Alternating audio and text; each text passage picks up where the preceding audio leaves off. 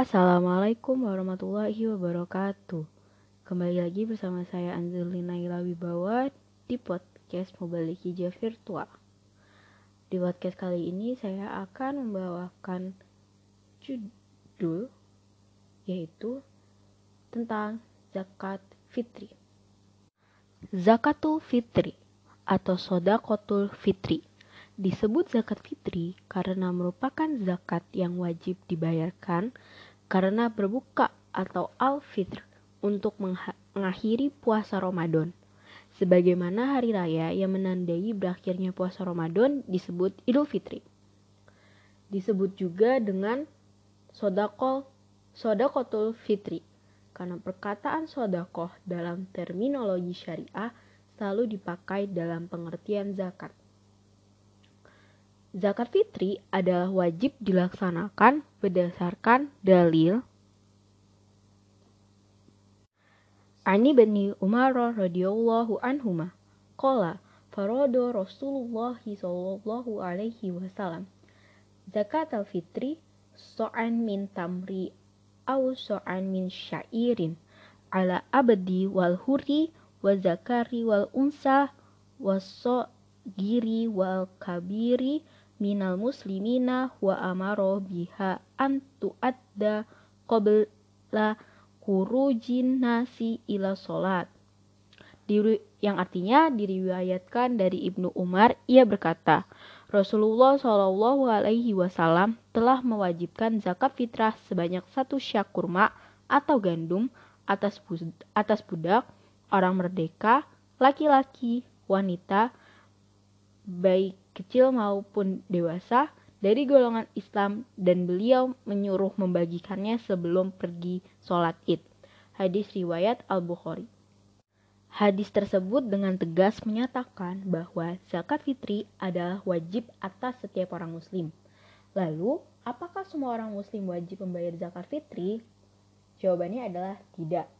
Yang wajib membayar zakat fitri adalah orang yang mampu membayarnya atau menurut putusan Tarji Muhammadiyah yaitu orang yang berkelapangan rezeki baik laki-laki perempuan baik laki-laki perempuan dewasa atau anak-anak. Dasar dari keputusan tersebut yang pertama adalah firman Allah A'udzu billahi minasyaitonir rajim Bismillahirrahmanirrahim.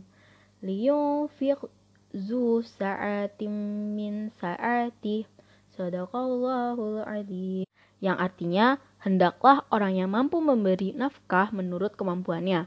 Quran surat At-Talaq ayat 7. Ayat ini merupakan perintah umum kepada orang berkemampuan untuk mengeluarkan sebagian dari hartanya termasuk mengeluarkan zakat. Dari ayat ini dipahami bahwa zakat fitri diwajibkan atas orang yang berkelapangan rezeki atau mampu.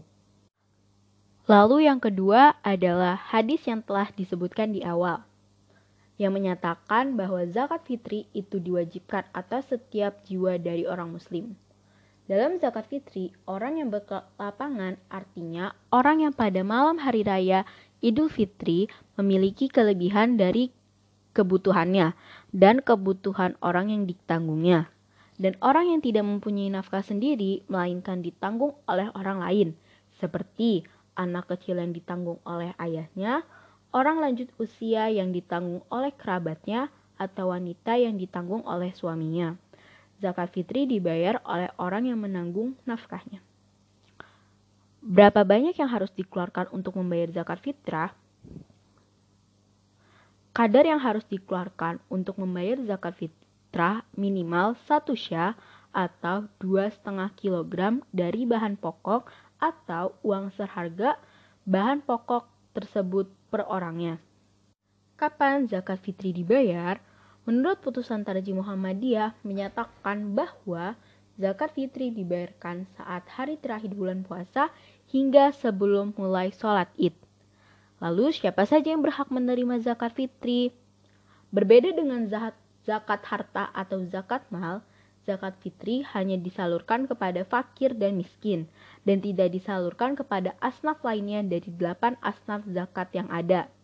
Dasar penempatan bahwa zakat fitri hanya disalurkan kepada fakir dan miskin saja adalah hadis Ibnu Abbas yang intinya menyatakan bahwa zakat fitri itu diwajibkan selain sebagai pensucian terhadap orang yang berpuasa, juga sebagai santunan terhadap orang miskin.